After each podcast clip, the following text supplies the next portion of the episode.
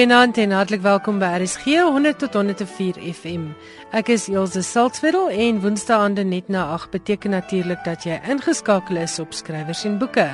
Vanaand se program is weer lekker vol. Ek gesels met Siska Julius, die 18-jarige wenner van die prosa en poesie afdeling in die nasionale poortskryfkompetisie wat deur die Suid-Afrikaanse Akademie vir Wetenskap en Kuns aangebied word. Maar eers vier ons die geliefde skrywer Dot Serfontein se 90ste verjaarsdag met 'n uittreksel uit verlede jaar se kunstefeesproduksie oor haar werk Ons mense. Dit is saamgestel deur Juanita Swanepoel.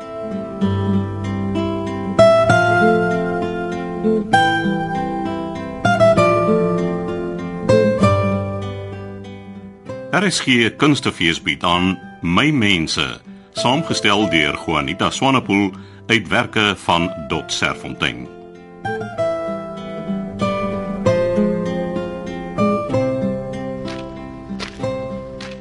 Baie dinge op ons werf was daarna vergoed verander. Ons het die hoenders geken wat op hok gehou moes word nie. En ons hoenderhok was 'n jammerlike temerasietjie van ou pype en lapdraad waarin slaghoenders hulle laaste paar dae op aarde moes uitvars. Ons kinders het elkeen ons eie hoenderren gehad wat ons by die vrou van my pa se messelaar Sofonia gekry het. Hulle was wonderlike honders wat die pas vir die geveerde bevolking op die werf aangegee het. Hulle was bitsig, bedrywig, 3, 4 broeisels kuikens elke somer. Het katte gejaag en sprinkane gevang, bo in die kariebome geslaap en in die groentetuin kom broei. Hulle het sagte geel-bruin vere en klein wit voetjies gehad as hulle eindelik oud en verdagend sat geslag word, het hulle dood net so van selfsprekend aanvaar as die milies uit die seepsoda blik op die vensterbank. En dan was daar fantastiese geslypte klippies soos juwele in hulle kroppe. Toe op 'n dag gewaar ek 'n rondstappery op die werf. My ma met driftige aanwysings, my pa met sy plaashoedjie agterop sy kop agterna, al skrywende met sy indelible potloodjie op sy C2C sigaretdosie. Daar word bloekompale gekap, klippe gebring en daar verrys in die een hoek van die werf 'n reusagtige groot kamp met 6 voet hoë sifdraad omheen en netjiese bouwerke binne. Toe ek dat my ma 100 stoethoenders van die bankbestuurder meneer Bartel Brink gekry het en dat sy nou met hoenders gaan boer. Eislike pik swart henne en statige hane met hulle swaar rooi belle en blou swart glansvere, gestamboek gering en geënt. Weg is die sep so dan blik, want Bartel Brink hoenders se kos word soos koekdeeg van 'n geskrewe resep af vermeng en op rantsoen uitgedeel. Hoe dink ons sal hoenders ooit harde dop eiers lê as daar nie skulpgruis in hulle bakke en kalk in hulle drinkwater kom nie? En hoe gaan hulle staande bly teen wandluise en hoendermeid as hulle hokke nie met dode bosse en 'n flitspuit ontsmet word nie? Snags word die hok met 'n slot gesluit en soggens soos die kombuis met 'n besem uitgevee. En toe hoor ek vir die eerste keer in my lewe dat daar dosyne soorte hoenders is. Rhode Island Red, Plymouth Rock, Leghorn, New Sussex en Light Sussex, Orpington en Buff Orpington en Australorp. En dat die werfhoendertjies wat ek my lewe lank ken, glad nie 'n soort is nie. Ja, later aan werk ons werfhoenders toe baie op my ma se senuwees. Sy kla oor hulle onsinderlike blertse voor die agterdeur. Hulle ongesonde misvretery by die kraal. En vir al hulle slegte gewoonte om saans op die nuwe hoenderhok se boonste draadrand in sy hoekpale te gaan sit en slaap.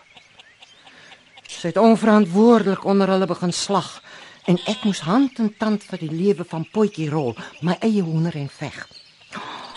Ek kon flou word die oggend toe die dwaas ding ewe ongeërg hier aangestap kom met 'n groot broeisel swart kuikens.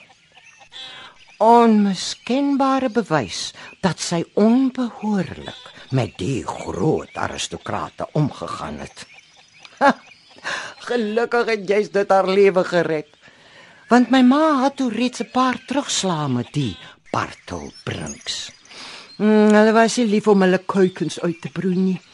En Boetjie Rol het daarna geslagte en geslagte Bartel Brinks vir ons moes uitbroei. Ja. Soos dit al met baie edelhonderboerderye die geval was, het my ma se ook eintlik gekwyn. En middelmatigheid is op ons afgedwing. Die Bartel Brinks het buite begin loop en geleer om bo in die takke van die karibome te slaap. Die ashondertjies het op hulle beurt gek geraak na skulpgruis en die groentetuin vir die opgemesselde neste verruil. Maar jare daarna sou my ma nog die aansprake van hoendergees driftig is met 'n ver af middelwaardige uitdrukking op haar gesig aanhoor. En dan weet ons sy dink oor hoe ver dit alles te kort skiet by haar eie goue eeu met die Bartel Brinkonders.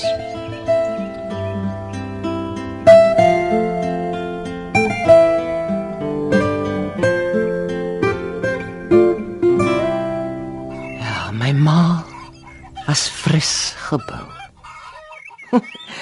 Ek was eers baie ouer toe ek vir die eerste keer agtergekom het dat my ma eintlik vir ander mense vet was. Ag, tot op hierde verlang ek daarna om net vir 'n paar minute saam met haar op die ou stoepbank op die systoep te kan sit. Sy aan boontjies af haar. Ek sommer net teen haar, soos vroeër, deel van die skommeling van haar boarm met die geur van baba poeier en skoon reënwater om haar. Ek het haar gesien as 'n populier, vroeg vergeel met die kaal takke van die winter om haar. Altyd het ek haar sien doodgaan en gevrees. Die romanse van my pa en ma het my kinderverbeelding baie sterk aangegryp. Hulle sou in Oktober 1918 trou in die lente.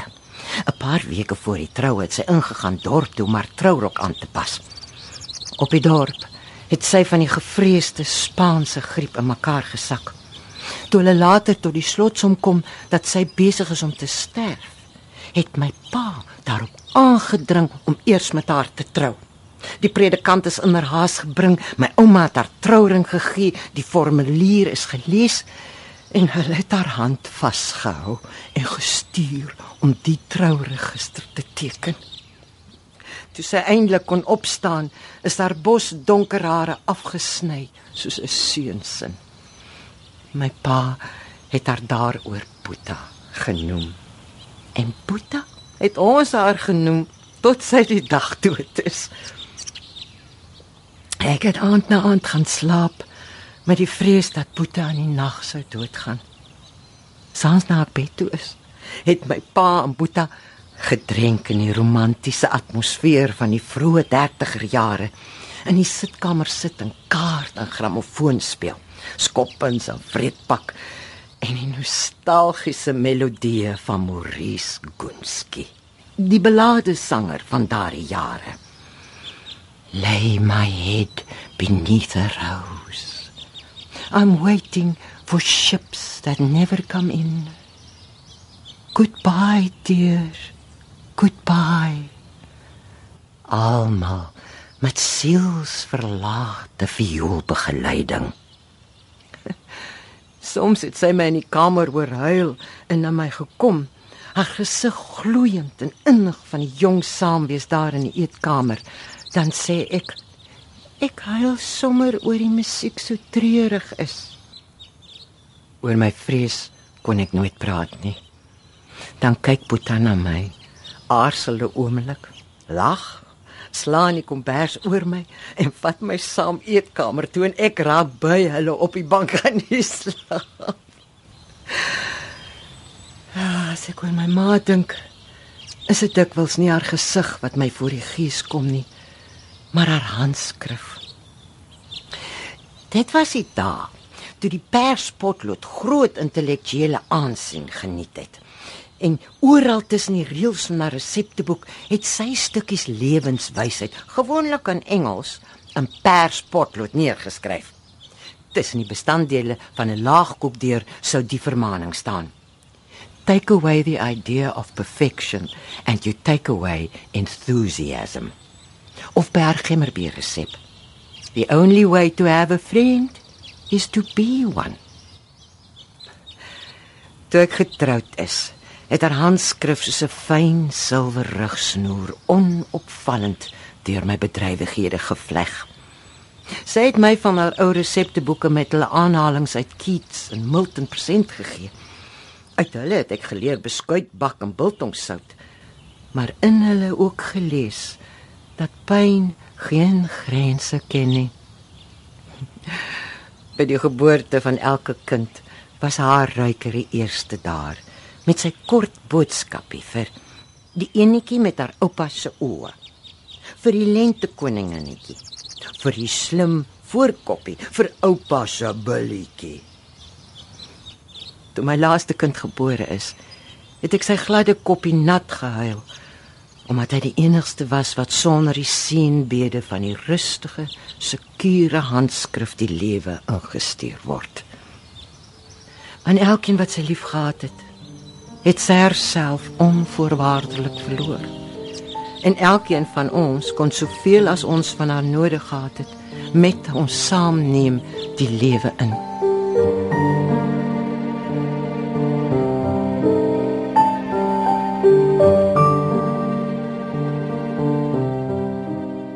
Op 'n oggend vroeg het die oproep gekom waarvoor ek my lewe lank gevrees het. Sy was dood. Ek het haar op die bed gekry, rustig agteroor met 'n trek van van selfsprekende kalmte op haar gesig. Was dit die dood wat ek soveel jare gevrees het? As sy met haar lewe vir my die uitnemendheid van die liefde bewys het, dan het sy na dood getoon dat daar in sterwe geen angel is en in die dood geen vrees vir hulle wat so sy geleef het nie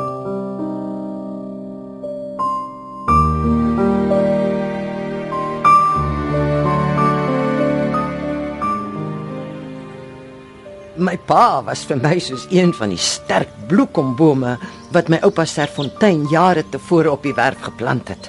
Die lang, gevlekte stamme, die digte, harde blare het onaangeroer deur die seisoene gebly. Op onvoorspelbare tye hang die takke vol fyn soet stuifmeelblommetjies en die week daarna hang dit vol hoekige saad. ons hele huisgesin was lugtig vir my pa. Ons het om hom beweeg soos oor ys op die plaasdam. Soms hou dit onder jou, soms breek dit onder jou. Maar jy glo nie vir 'n oomblik aan sy dood nie. Net aan hoe hy sal huil oor joune. Drie dinge het oupa se lewe beheers. Oupa was my pa. En die drie dinge was Afrikanerbeeste, sandklip en doringbome.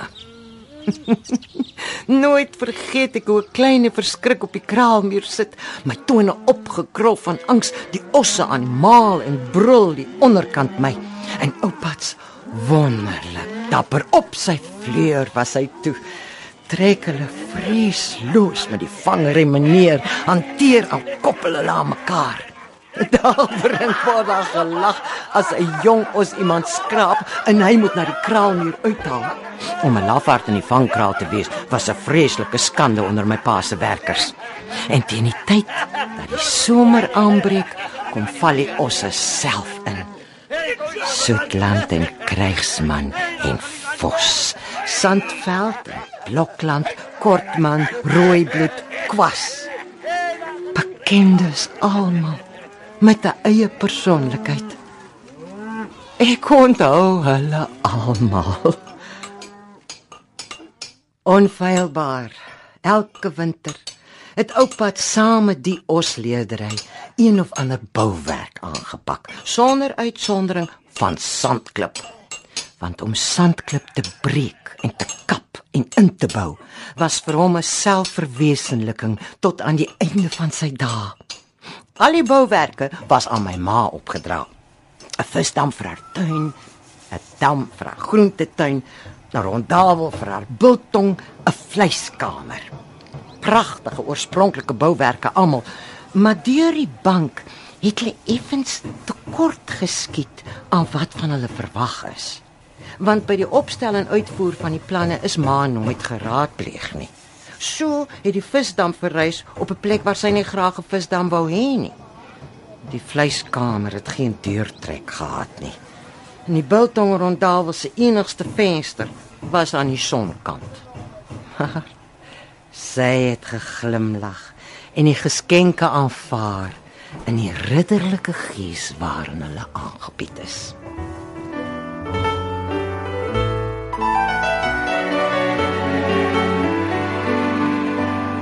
En nou opkomende talent waarvan ons gerus kan kennis neem.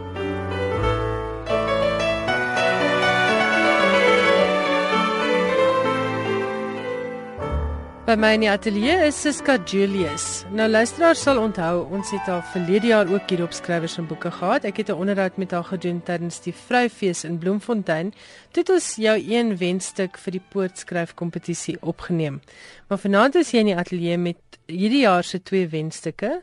Jy is die eerste mens in die geskiedenis van Poort wat sowel die poesie as die prosa afdeling gewen het, is ek reg? Ja, en ook die eerste een in die geskiedenis wat meer as een keer die toekenning gewen het en is nou my derde een, so Dis fantasties.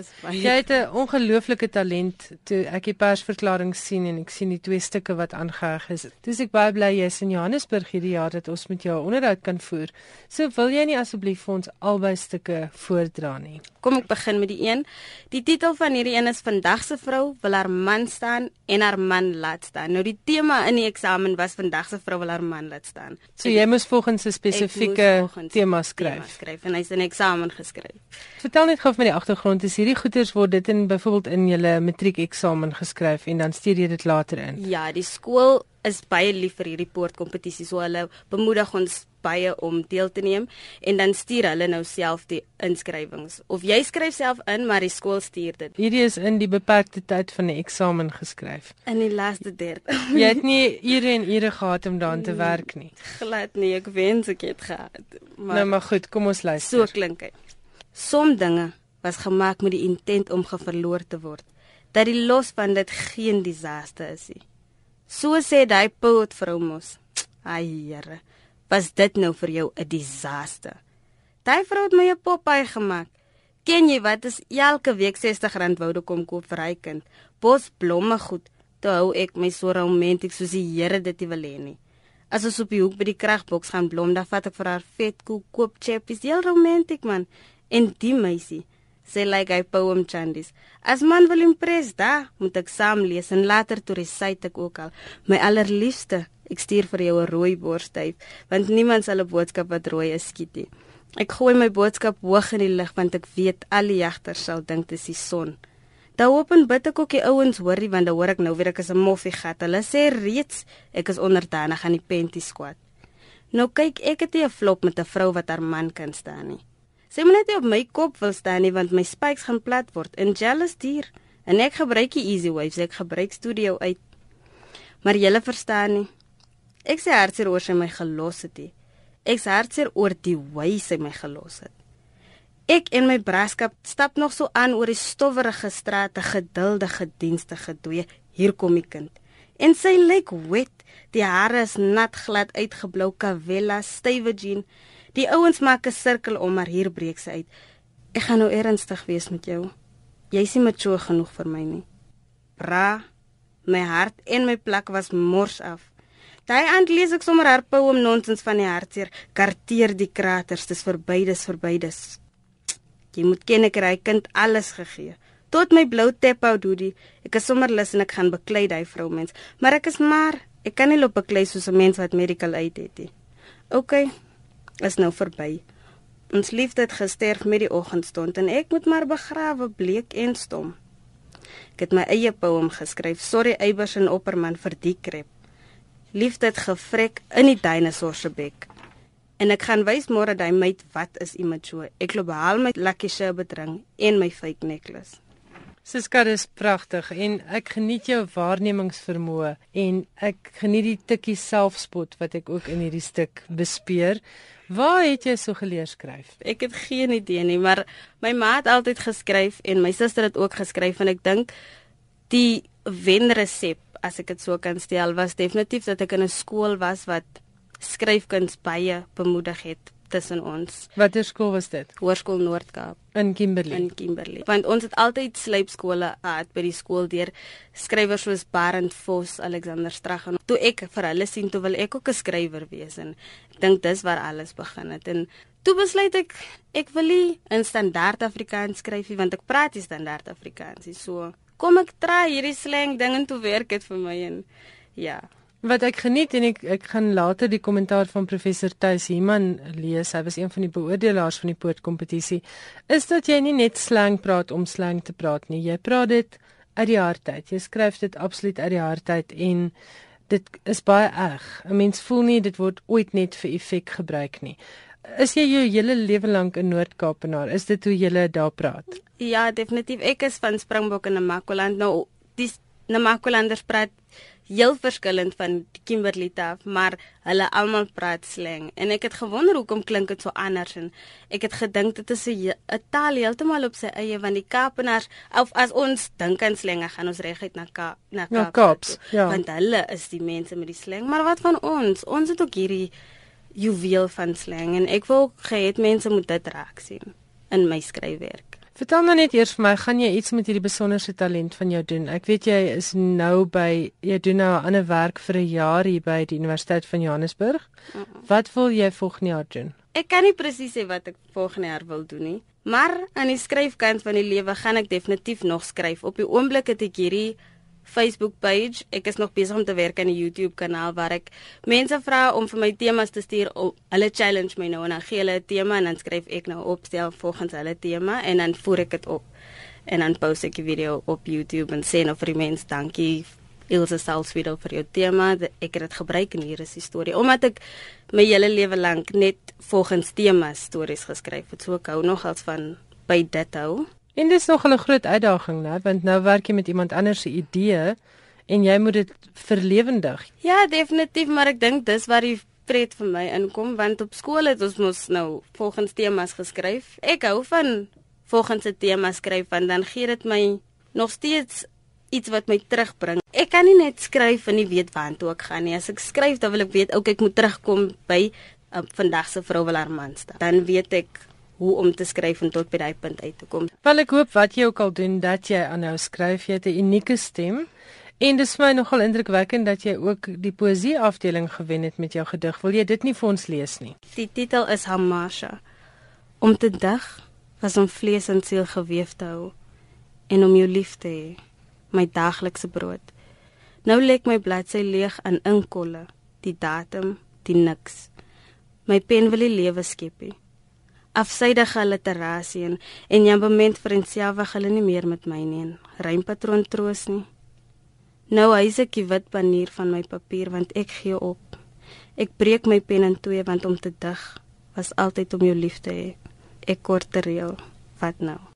En so klink Siska Julius. Sy is 18 jaar oud en sy is pas aangewys as die nasionale wenner in die prosa en poesie afdeling in die kreatiewe poortskryfkompetisie van die Suid-Afrikaanse Akademie vir Wetenskap en Kuns.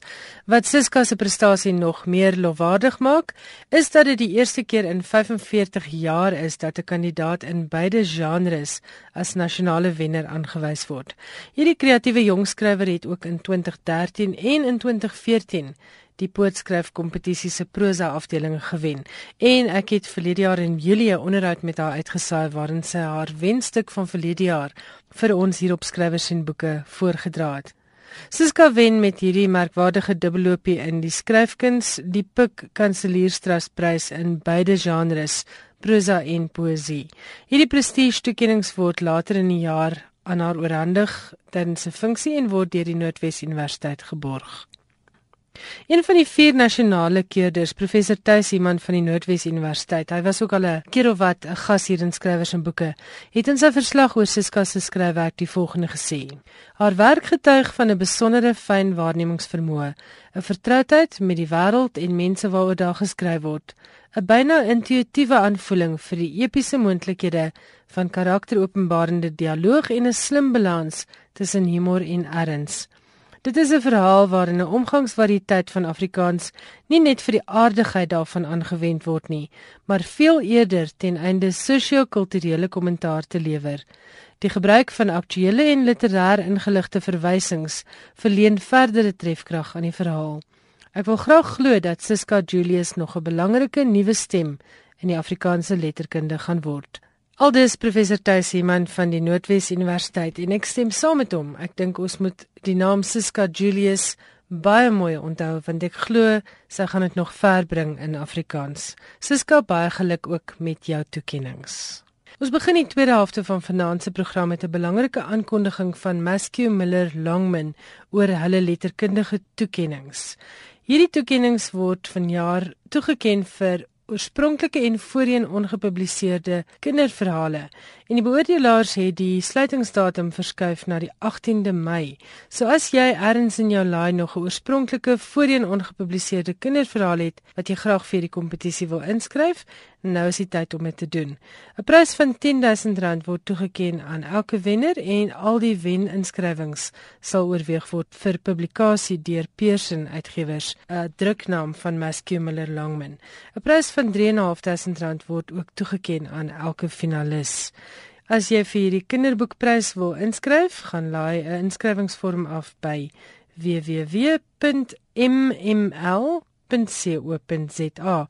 Dit staan natuurlik vir Maskew Miller Longman. So dit is www.mml.co.za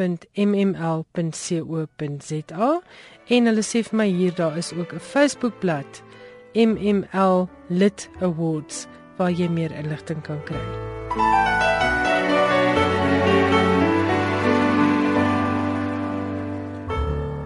Gatingers wat daarvan droom om te skryf moet nou die ore spits.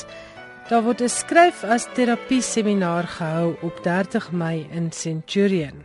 Dit gebeur dikwels dat iemand wat moeilike omstandighede in die lewe moes oorkom, die behoefte ontwikkel om die belewenis en veral die lewenslesse wat daaruit geleer is met ander te deel. Om 'n boek te skryf vloei dikwels natuurlik hieruit voort, maar baie mense weet glad nie waar om te begin nie. Nou as jy een so mens is, Quartz Publishers en die skryfbesigheid bied op 30 Mei 2015, dit is oor 3 weke, 'n seminaar aan om belangstellendes touwys te maak oor hoe om hierdie groot projek aan te pak. Die hoofspreker is Jannie Pitter, 'n sielkundige skrywer en gewilde motiveringsspreker. Jannie het reeds 4 motiveringsboeke gepubliseer wat daarop fokus om die lewe met 'n wenplan aan te pak. En hy skryf ook uit persoonlike ervaring en vele laagte en hoogtepunte op persoonlike sowel as professionele gebied. Hy skryf ook oor die vryheid wat 'n mens jouself moet toelaat om foute te maak sodat jy daaruit kan leer. Die onderwerpe by hierdie skryf as terapie seminaar is volgens hierdie persvrystelling so gekies dat voornemende skrywers gewys gaan word waar om met die skryf van so 'n boek te begin belangrike aspekte om in gedagte te hou terwyl dan met die skryfproses besig is en wat om na afhandeling van die manuskrip daarmee te maak. Van die onderwerpe wat bespreek gaan word is waar en hoe gaan ek skryf? Hoe omskep ek my verhaal in 'n aangename leeservaring? Verteller en perspektief, skryf as terapie en publiseer jou verhaal. Die paneel wat genoemde onderwerpe sal fasiliteer is Trudy Erasmus, sy is 'n gepubliseerde skrywer van kortverhale, Maritjie Wenzel, taalversorger en manuskripontwikkelaar, Martin Kotse, onderwyser, dramaturg en beraader en Anita Stander, produksiebestuurder van Quartz Publishers. Daar gaan skryfoefeninge wees en die fokus van die hele seminaar gaan wees op die skryf van verhale wat na moeilike omstandighede verwoord wil word. Voorafbespreking is absoluut noodsaaklik en dit moet gebeur teen die 12de Mei 2015. So as jy graag hierdie skryf as terapie seminar in Centurion wil bywoon op die 30ste Mei, kontak Anita Stander van Quartz Publishers. Haar e-pos is anita.stander@quartz.co.za en die kwarts spel mens op die Afrikaanse manier K W A R T S. anita.stander@quartz.co.za of jy kan skakel met Maritjie Wenzel van die skryfbesigheid. Haar e-posadres is skryfbesigheid101@gmail.com. Skakel ook 0127525877 om vir die seminaar te bespreek. Ek herhaal 0127525877. Die elektroniese registrasievorm kan afgelaai word by www.quartzpublishers.co.za.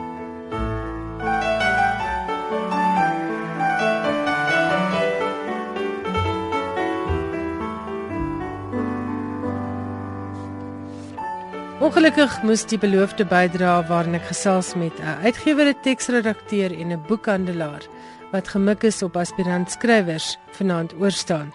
Maar hier is goeie nuus oor 'n boek wat ewehandig te pas sal kom vir enigiemand wat nou wil begin skryf of wat dalk 'n entjie weggeskryf het, maar nie seker is of hy taalkundig op die regte pad is nie. Hierdie is die stylboek Riglyne vir paslik skryf, saamgestel deur Pieter Tooi en Wanda Smit. Dit kos 395 en word uitgegee deur Protea Boekhuis. Hierdie is 'n herbewerkte uitgawe van die stylboek wat oorspronklik in 2006 gepubliseer is. Dit word beskryf as 'n ideale naslaanbron vir almal wat in Afrikaans skryf en is gerig op studente, akademici, redakteurs, joernaliste, resensente, redigeerders, taalpraktisyns en opvoeders. Skryfbeginsels word in die teks op eenvoudige en verstaanbare wyse verduidelik en met talle voorbeelde toegelig. Die auteurs is P.A. De Tooy, hy was dosent in letterkunde, stilistiek, resensiestudie en taalversorging in die departement Afrikaans en Nederlands aan die Universiteit van Stellenbosch. Ek onthou hom baie goed. Hy was een van my dosente in Afrikaans en Nederlands. Pierre Auditoy het onder meer aan die Universiteite van Amsterdam, Utrecht, Leiden, Nijmegen en Antwerpen ondersoek gedoen in die vakgebied taalbeheersing en het 'n klomp akademiese artikels in Afrikaans geskryf. Wanda Smit is 'n uitgewer en leksikograaf by Faros Woordeboeke in Kaapstad. Sy was 'n joernalis, taalkonsultant en deeltydse dosent aan die Kaapse Technikon en het aan die Universiteit van Stellenbosch kursusse in skryfvaardigheid en deeltyds in stilistiek in die nagraadse afdeling vertaling aangebied. Dit is dan die skrywers en samestellers van Stylboek Riglyne vir paslik skryf. Pieter Tooi en Wanda Smit se werk wat daarop gerig is om die skryfkuns makliker te maak vir almal wat skryf. Dit word uitgegee deur Protea Boekhuis en kos R395.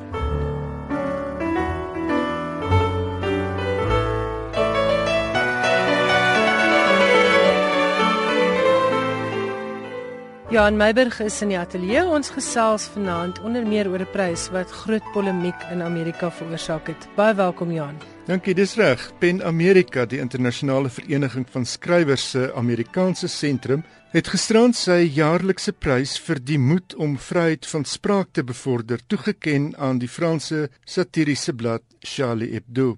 Die besluit het ses prominente skrywers genoop om hulle te onttrek aan die glansgeleentheid wat in New York aangebied is.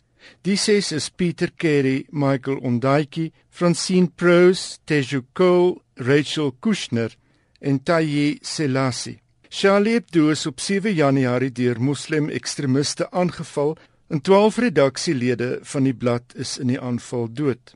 Rachel Kushner, die Amerikaanse skrywer, het in 'n e-pos aan Pense bestuur geskryf sy's ongemaklik oor die blad se, soos sy dit noem, kulturele onverdraagsaamheid. Die Australiese skrywer Peter Carey het in 'n e-pos oor die aanval in Parys gesê dit was 'n veragtelike misdaad wat gepleeg is. Maar was dit nou 'n vryheid van spraak kwessie vir Pen America om eie geregtig daaroor te wou wees? Die hele affære, so het hy geskryf, word gekompliseer deur Pen se oënskynlike blindheid omtrent die kulturele arrogansie van die Franse. Die Franse wat nie die morele verantwoordelikheid heens 'n groot en ontmagtigde deel van hulle bevolking erken nie. Kort na die aanval in Januarie het Teju Cole, die Nigeries-Amerikaanse skrywer, in 'n artikel op The New Yorker se webwerf geskryf: "Charlie Hebdo was nog altyd 'n blad wat almal voor die voet die harnas ingejaag het, maar dat die blad en ek haal hom aan, die afgelope paar jaar spesifiek uittartend was met sy rassistiese en islamofobiese uitlakings." Andrew Solomon, pen president, het gesê Hy het geweet die prys aan Charlie Hebdo kan omstrede wees, maar hy's nie verras deur die inhoud daarvan soveel as die felheid van die beswaar nie en veral die kort kennisgewing. Die ses skrywers sou aan tafel as literêre gasheere en gasvroue opgetree het by gisterand se glansdiner waarvoor gaste sowat R14000 per persoon betaal het.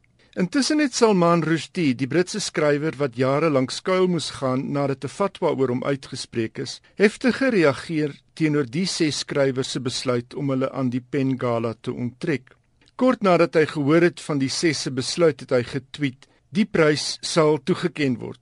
Pen hou voet by stuk."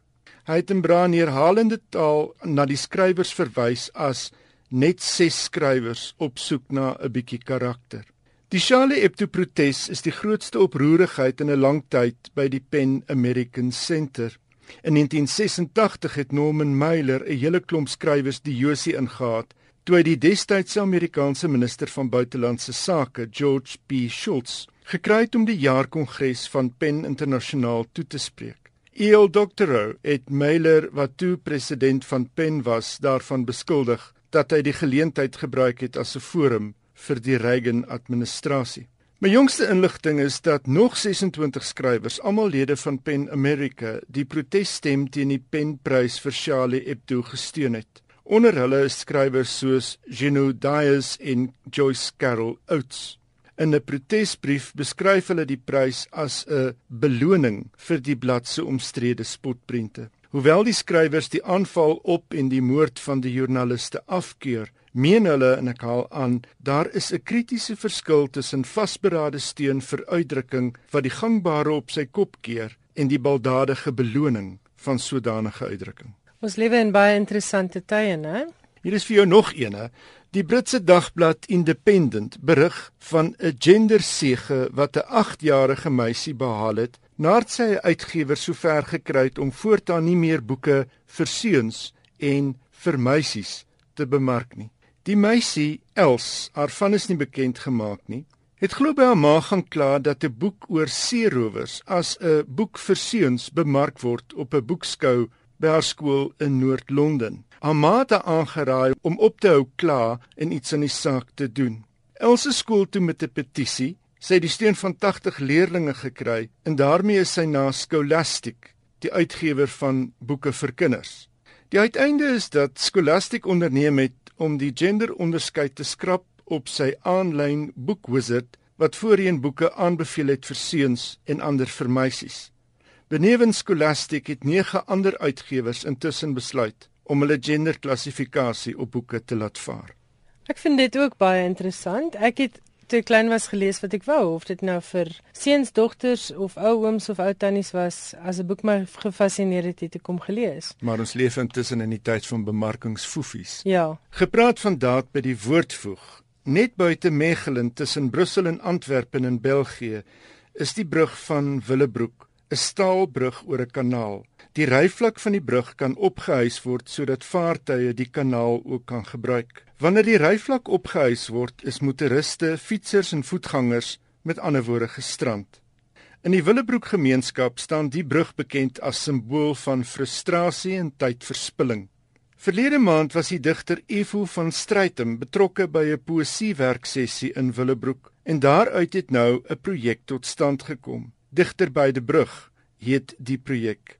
Vandag en môre word poësie voorgeles deur verskeie digters en leerdlinge van die Akademie van Willebroek om motoriste se bloeddruk af te bring en om die poëtiese woord te geniet. Wel, net voordat ek ateljee toe gekom het, was ek in 'n verskriklike verkeersknoop. Ek dink ek sou nogal gebaat het by 'n digter op die snelweg of so iets. Daar is ja, moontlikhede. Ja, laaste brokkie.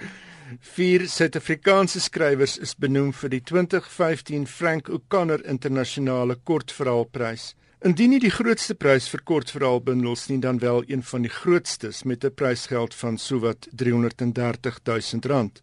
Die vier wat die lang lys gehaal het is Ivan Vladislavic, Essie Nudee, Karen Jennings en Melissa de Villiers. Vladislavic is benoem vir sy 101 Detectives, Nudee vir The Alphabet of Birds, Jennings vir Away from the Dead en de Villiers vir The Chameleon House. Die prys is genoem na Frank O'Connor, die Ierse skrywer en word jaarliks toegeken aan 'n nuut gepubliseerde bundel wat enige plek ter wêreld in Engels verskyn het. Die prys word aangebied deur die Ierse stad Cork en die wenner word op die 16de Cork Internasionale Kortverhaalfees in September aangekondig. Ons hou duim vas vir ons vier Suid-Afrikaanse skrywers. Dit is wonderlik dat ons na die wêreldplatform op soveel letterkundige gebiede betree. Ja, en baie dankie, interessant soos altyd.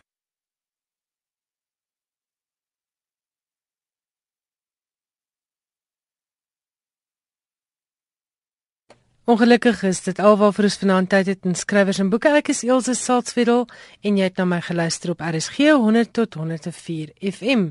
As jy wil kommentaar lewer op vanaand se program, die SMS nommer is 3343 en elke SMS kos R1.50. Die e-posadres is skrywersenboeke@rsg.co.za. Vanaand se program is soos altyd as 'n potgooi beskikbaar.